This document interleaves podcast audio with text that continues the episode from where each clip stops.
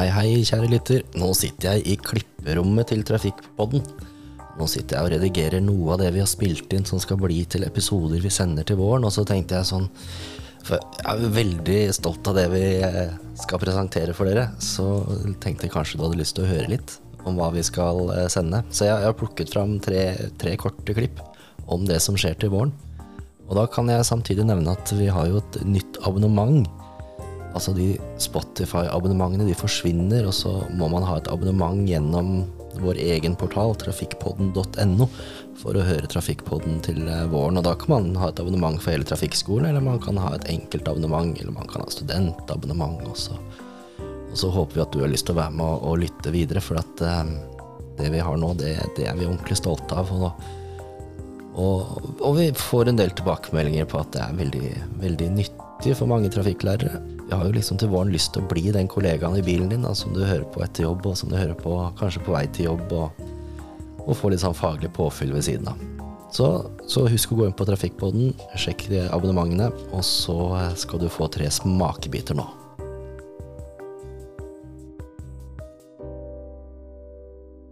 Vi må også innom litt dette med svingkrefter. Eh, er du professor i sving også, eller er du bare professor i rett frem? Kjempebra. Eh, nei da, eh, sving også. Absolutt. Ja, vi må svinge litt. Du har svingkompetanse? litt svingkompetanse. Hvis jeg eh, eh, svinger mm. Altså vi, På øvingsbanene så er det jo en sving. Og den svingen eh, har jo lav friksjon, som vi liker å si, da. Mm. Og da vil jeg ofte oppleve at bilen fortsetter rett fram, selv om svingen svinger. Hvorfor er det sånn? Det er helt riktig, for det er jo friksjonskrafta som gjør at du greier å holde den svingradiusen, altså den banen. Fordi skal du svinge, eh, så må du ha noe som heter en sentripetalakselerasjon. Eh, det betyr holde seg på en ikke-rett bane. Alle baner som er krumma på en eller annen måte, som bøyer seg hit eller dit, da må man eh, til med en kraft som gjør at man klarer å holde den banen.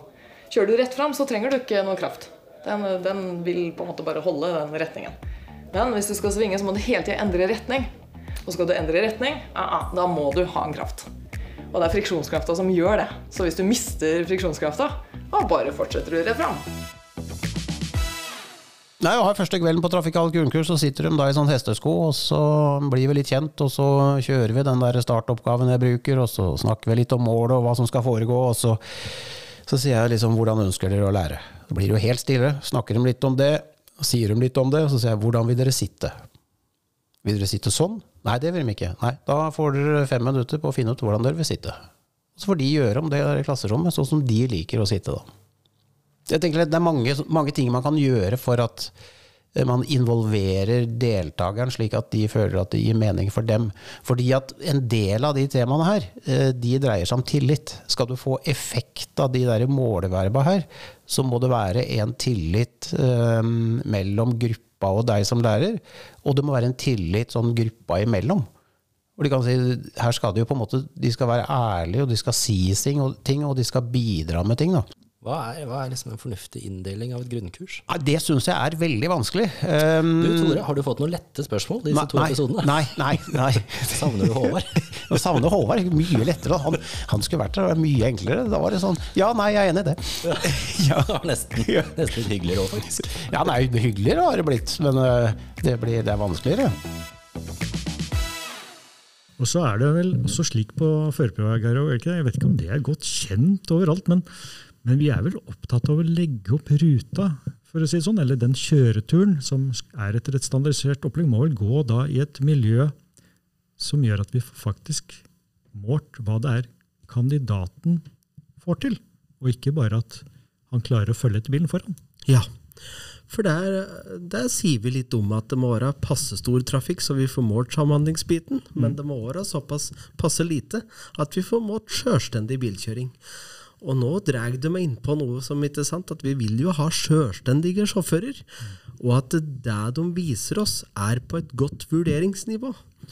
Og det appellerer vi til, og det jobber vi mye med sensorer for at de skal på en måte vurdere bilkjøring. et, eh, At de skal være i stand til å se at dette her var faktisk et godt vurderingsnivå. Ja, for det er ikke mange av mål, målverba i dette handler vel om vurdering, gjør det ikke det? Og nå er det mange som hører på denne poden som kjenner godt til dette med fakta, forståelse og vurdering. ikke sant? Men, men hvis en kunne være litt konkret nå, eh, for å liksom få med alle på hva, hva en kandidat som kan vurdere noen ting, f.eks. under ei førerprøve, utover det å bare følge reglene. Kunne vi tatt et eksempel i, fra en uh, passe stor by for eksempel, i dette landet? Ja, vi, vi, altså Det å kjøre bil på podkast, det er litt vanskelig.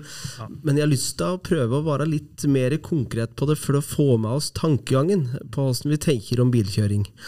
Du ville til en by, du. Eh, vil du til Lillehammer, da? eller?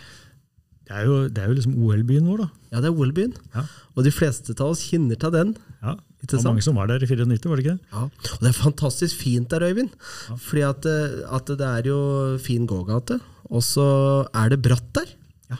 Det er veldig bratt. Det er jo egentlig en by som bare ligger, det ligger bare i en litt svær slalåmbakke om den hele byen. Ikke sant, det er det det gjør. Så nederst i den slalåmbakken har vi byen. Og, og, der ikke sant, går det gater oppover som er ganske bratte. Ja. Og så har du en artig snacksy utfordring der. Du har massevis av tverrgater som det er høyregel i. Ja, for der, der er det stort sett høyregel i hele byen. ikke? Ja. Veldig mye av det. Går mye bybusser der, vet du. Gjør det Ikke sant? Og så syns vi da, hvis vi sitter på med ei førerprøve, og så er vi da den bilen som kommer der, så er det glatt på vinteren. Så kommer bussen igjen til. Så vet jo vi da at reglene sier at eh, ja, bussen skal jo stoppe for oss. Resten av eksempelet, og ikke minst til sammen elleve episoder med veldig interessante mennesker, får du i Trafikkpodden til våren. Husk å eh, bestille abonnement, sånn at du er forberedt når vi sparker i gang showet den eh, skal vi se, blir 24. januar. Da vi rett og slett skal lage bestillingen for trafikklærerne i 2024. Da kommer UP-sjefen, det kommer fra Trafikkforum, det kommer fra NTSF, det kommer fra Vegdirektoratet, det kommer fra Trygg Trafikk, Nord universitet. Altså, det kommer til å bli en flott start på sesong fem av Trafikkpodden. Les mer på trafikkpodden.no. Er det noen som veit åssen man skrur av den bakgrunnsmusikken? Det er, det er noen sånn jazzgreier i bakgrunnen her. Hallo? Ja, for vi hadde jo sånn jingle i gamle dager. Sånn, det var litt sånn funky opplegg da Håvard drev og holdt på her. Er det noen som har den liggende, eller? Bare for å bruke den. For jeg får sånn seniorstemningfølelse her. Altså, jeg, får, jeg, får, nesten lyst på camferdrops og lakrisbåter. Unnskyld, er det en, en camferdrops til stede i salen? Er noen Du? Unnskyld? Du, kan du skru av Kan du Hallo?